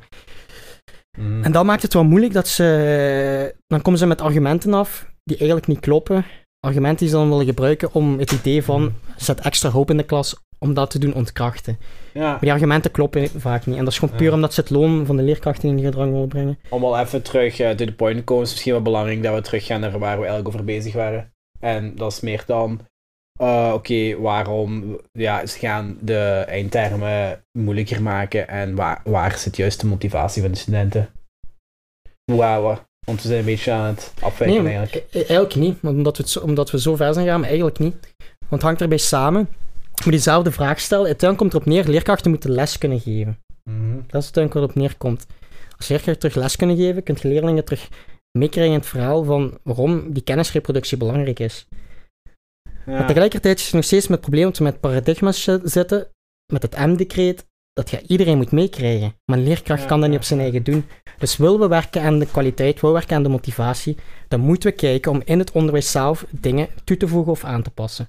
Oké. Of anders krijg je alleen nog maar ja, wat mensen vrezen dat de la- lat omlaag gaat. Maar dan gaan ze de lat omlaag brengen, maar de eindtermen verhogen. En dan krijg je weer dat motivatieprobleem dat opnieuw gaat dalen. Dus let me ask you this. Is het de bedoeling dat we de lat omhoog trekken? Of is het de bedoeling dat we de motivatie omhoog trekken? Nou, liefst. Of is het de bedoeling dat we eh, andere manieren van werken doen? Of wat is nu de hele... Wat is nu de crux van de zaak? Waar gaat het over en waar willen we naartoe gaan? Want iedereen is nu wel te roepen, maar wat is nu de echte probleem en waar, wat moeten we oplossen? Ja, willen we in de top 3 terugstaan, wereldwijd? Willen we dat? Dat is een vraag die ik naar jullie stel. Inshallah, we willen dat allemaal. Maar wat moeten we ervoor doen? Zonder polit- partijpolitieke bullshit boven te halen. Ik ga gewoon even eerst weer al de vragen stellen. Want ik vond het wel een interessante vraag om te stellen. Je haalt aan van dat je eigenlijk de, dus de, de studenten of de, de leerlingen eigenlijk wilt uitleggen waarom je ze een bepaald vak hebben. Wat ik, Mhm. zoals ik al eerder heb aangehaald, een, een goede insteek vind. Maar wat geeft u het idee dat die leerlingen daar ook effectief naar gaan luisteren in plaats van dat gewoon af te brushen eigenlijk? Snap je wat ik wil zeggen? Ja, ja. Ja, en dan zit je weer met dat paradigma. Vroeger luisterden ze wel. En ook Mhm. misschien niet per se omdat ze wouden luisteren, maar het moest. Ja. Maar ik denk, ik vind het heel irrealistisch, nu niet dat ik zeg dat thuis waar je op doelt, eh, om te zeggen we moeten terug naar dat systeem. We moeten kijken wat kunnen we nu in het huidige systeem aanpassen. En ik vind Mhm. gewoon leerkrachten moeten terug gewoon leerkracht zijn. En dan denk ik van ja, we moeten kijken om extra hulp in te plannen. Ehm, extra middelen. Ja, dat, dat punt heb je aangehaald, maar wat mijn vraag echt voor u is dan... Wat geeft u het idee? Want het punt dat je maakt is dat je leerkrachten wil laten uitleggen aan leerlingen oké, dit is waarin je dit vak hebt en wat geeft u het idee dat die leerlingen daarnaar gaan luisteren? Want dat, dat heeft niks... Allee, voor mij persoonlijk snap ik niet wat dat heel team van andere mensen ermee te maken heeft. Hoe bedoelt je? Het hele team? Ja, je zegt dan, oké, ik, wil, ik wil er een, bijvoorbeeld een psycholoog in een team eh, Mhm. in opnemen, een, Ja. een opvoeder enzovoort. Maar gaat dat team ervoor zorgen dat de studenten wel gaan luisteren naar de leerkracht wanneer die uitlegt: Oké, je hebt dit vak om deze reden. Ik denk het wel. Ik ben er redelijk positief in. Juist omdat ik denk als leerkrachten les kunnen geven, als dat terugkomt, dat je dan ook de leerlingen meekrijgt. En ik denk dat dat het grootste probleem is. Natuurlijk, je kunt dat nooit met zekerheid zeggen. Maar dan kun je ook terug gaan zeggen van ja, hoe kwam het dat het vroeger wel lukte? En dat is dan ook moeilijk. Is er dan een verschil tussen leerlingen toen en nu? Ik denk inderdaad, als leerkrachten kunnen lesgeven, En daaruiteindelijk hebben die opvoeders en de maatschappelijke werkers en de verzorging die erbij komen niks mee te maken. Die gaan daar geen invloed op uitoefenen. Zij moeten gewoon alle ja, administratieve last, alle zorgtaken op zich nemen. Ik denk, ik, ik heb vertrouwen en hoop in leerkrachten als we die fatsoenlijk kunnen opleiden. Dat die jongeren kunnen motiveren, kunnen meekrijgen. En leerkracht moet enthousiasme uitstralen aan- vooraan aan de klas. Als je enthousiasme uitstraalt, onbewust geef je dan al aan de leerlingen door waar je vak kan toe leiden. Hoe het praktisch kan zijn. Zelfs al heb je misschien nog niet praktisch gezegd, dit is wat je er letterlijk mee kunt doen. Dat is een probleem. Als een leerkracht niet gemotiveerd staat vooraan in de klas, onder andere omdat ze zoveel taken hebben dat ze helemaal in een burn-out geraken, ja, waarom zouden leerlingen dan moeite doen? En dan haalt je weer dat aan, want je hebt daar straks gezegd van al die keuzes. Ik denk dat dat er heel goed bij aansluit. Tegenwoordig hebben ze zoveel keuzes. En als ze al de leerkrachten zien, dat er zoveel moet gebeuren. Dus eigenlijk, om even te samenvatten wat je zegt. Je denkt dat eh, een, een groter team van mensen met verschillende functies ervoor kan gaan zorgen dat leerkrachten zich minder moeten focussen op bepaalde taken, wat ervoor Mhm. zorgt dat ze beter les kunnen gaan geven, Ja. wat de studenten uiteindelijk dan gaat motiveren om Ja. ook effectief Ja. te luisteren. Als volwassenen hebben we daar een voorbeeldfunctie in. En dat is belangrijk. Ik zou zeggen, leer uw, kle- leer uw kleine thuis op het potje gaan. En dat hij Voilà. niet op, school dat moet, de ouders dat hij niet op school moet leren zindelijk worden. Ja, leer uw kinderen eh, soms oefeningen thuis maken dat de leraar niet alles moet doen. Inderdaad. Oké, ik vind dat dit wel een mooi punt is om, eh, om op te eindigen. Ça va. Dan gaan we over tot eh, de slot. Dat kan wel. Mag ik eh, een kleine summary geven? Voor het naar het einde toe gaan. Ik wil even nog eens opnieuw. Vorige keer hebben we gezegd, ja, we waren toen inderdaad alleen ik en Ma- vorige eerste sessie, ik en Maxime. Twee boykers die allebei in de politiek, zitten, redelijk opgeleid zijn er en dat. Dus we waren heel veel met elkaar eens. Nu hebben we een derde persoon erbij gehaald. En ik zou graag in de toekomst hebben dat hij er nog steeds bij is. En eventueel nog een derde of een vierde stem. Ja, we gaan sowieso Want- altijd nog extra gasten Ja, we moeten uitbreiden, mensen moeten een mening geven, anders weten we nooit wat ze zeggen. Terwijl, ja, dat is de show wel. Wat zeggen ze? Ten derde wil ik iedereen oproepen die luistert, alsjeblieft, om een keer een comment te droppen en zorg ervoor, hey, eh, als je vindt dat wij aan het bullshitten waren, maak een punt. Als je vindt dat we eens zijn, maak een punt. Maar zorg ervoor dat we weten waarover het gaat. Zeg maar, Ehm, zorg dat, je weet, dat wij weten wat jij zegt. Zodat wij kunnen zeggen, wat zeggen ze? En dan Exactly. zeggen ze... Word. Nu, om even overzicht te houden, wil ik even een, een kleine samenvatting geven. We zijn begonnen met het klimaat. En eh, daarbij wil ik even de, de volgende overwegingen meepakken. Dus waarover ging het? Dus de eerste vraag was al, moeten we allemaal op één lijn staan in de vorm van klimaatverandering is een ding? Ik zeg, ja, ik denk het wel. En we denken dat we daar al staan, maar nu is de volgende vraag, wat gaan we daarmee doen? Persoonlijke verantwoordelijkheid of collectieve En hoe verantwoordelijkheid? krijg je iedereen mee? En dat is Dat de is volgende ding. Hoe krijg je iedereen mee? Of moet iedereen mee zijn? Of moeten we Ja. heel extreme stappen doen? En daarbij wil ik dan oproepen om als je gaat stemmen binnenkort, of niet, eh, dat je stemt met overwegingen, dat je stemt met de mensen die staan waarvoor jij staat. Zijn ze voor het eh, snelle veranderingen, voor het trager? Of, willen ze of tenminste, bevraag jezelf over eh, wat vinden we. Dan eh, wil ik wel even tenminste zeggen, we moeten iets doen. We moeten iets doen. Wat we gaan doen, dat is een kwestie van een maatschappelijk debat en waar voor de partijen die dan de kans hebben om dat uit te voeren, voor staan. En dat is uw verantwoordelijkheid om daar dan voor te kiezen naar uw eigen mening. Het tweede punt was de brexit. Eh, ja, dat is heel snel gegaan. Ik zou dat graag opnieuw doen. Maar opnieuw. We houden eh, dat nog wel eens aan. Hè. Graag. Eh, maar eh, ik zal dat heel kort samenvatten. Waar sta, eh, wat is de Brexit? Brexit, ja, de Britten die willen gewoon Europa eh, verlaten. Eh valt veel voor te zeggen, dit en dat, whatever. Vanwege het migratiebeleid van de EU. Onder andere. Maar in ieder geval, het is verwarrend geweest. Mhm. Er is, we weten niet waar ze staan. Er is nog altijd geen beslissing drie jaar later. En iedereen is het moe. Maar echt kapot moe. Maar ze hangen er aan vast, dus ze moeten een beslissing maken. En dat is Was weer uitstel gevraagd. En, Exactly. En daar Dus- moeten we naar kijken dan. Daarom konden we ook niks echt veel doen vandaag, want ja, we weten nog niet waar het naartoe gaat. Dus er moet een beslissing komen, maar er is nog altijd geen beslissing. Iedereen is moeilijk aan het doen, dus waar gaan we naartoe? Dat weten we nog altijd niet. Ten derde punt was de kilometerheffing. Eh, ik heb heel kort uitgelegd wat het is. Ja, extra betalen voor elk Mhm. kilometer die rijdt, hangt er vanaf waar je rijdt en eh, eh, hoe druk het is. En, eh, maar opnieuw, er is nog niks beslist. De pro en de cons worden nu besproken. De technische uitwerking wordt niet besproken, maar er is nog niks beslist. In ieder geval, het is waarschijnlijk pas voor de volgende regering, dus na de komende verkiezingen van 26 mei. Dus stem met eer en geweten, be smart. En het derde ging weer ging over onderwijs. Wat ik vooral meepak is. Eh, ehm, er is nu een discussie over eh, de onderwijs, eh, gaat- dat we achteruit gaan in Mhm. de, de rest van de wereld. Maar eh, Ja. Je moet wel overwegen wat, wat, wat erachter zit. En eh, dus bijvoorbeeld, zoals Joran aanhaalde, men kiest altijd voor een pakket. Je kunt niet zeggen, kies voor dat vak, want dat vind ik fijn. We kiezen hier in België voor een pakket. En daar raak je dan aan vast. Daarnaast heb je ook het feit van... eh, ah, het feit, eh, onderwijs gaf uit dat we, we pas weten wat we willen doen vanaf we 25 jaar zijn, gemiddeld. Dus eh, je kunt niet verwachten dat een 12-jarige de perfecte beslissing maakt. Dus daarom zouden we een brede basis moeten hebben. Maar die brede basis is op- opnieuw een deel van dat pakket dat je kiest. Ten derde, wat Maxime aanhaalde, er is een paradigma shift. Dus vroeger stond de leraar voor de, eh, voor de klas en die vertelde alles en je moest maar luisteren en volgen. Nu zijn we meer aan het zoeken naar eh, differentiatie. Nu is er meer Ja, differentiatie, dus leerlingen die het moeilijker hebben, leerlingen die het beter kunnen, dat die hun pad beter kunnen volgen. Eh, we proberen te zoeken naar de beste oplossing, maar het gevolg is dan wel dat sommige mensen dan te traag leren, andere mensen te snel proberen te leren en niet kunnen volgen. En de leraar extra belast wordt met extra taken die in principe niet zijn taak zouden moeten zijn. En daarbij wordt er dan opgeroepen naar eh, meer eh, ondersteuning, dus zorgleerkrachten en andere differentiërende krachten. Ben ik mee? Ja, ja, ja. Oké. Dus eh, we moeten de leraar ont, eh, ontzorgen voor zijn zorgtaken en meer eh, stimuleren om de leraar, leraar te kunnen maken. zijn. En liefst ook die mensen meer supporten. En leraar, voor het beroep voor leraar te waarderen. Want ja, Ja, dat dat teruggewaardeerd wordt. Ja, want Vroeger dat- was er heel hoog aanzien. dat ik heel leerkrachten. schandalig dat het woord leraar als een, een pummeltje wordt gezien, terwijl dat Ja, dat een van ook- de gezichten is ja. die u maakt. Absoluut, voilà.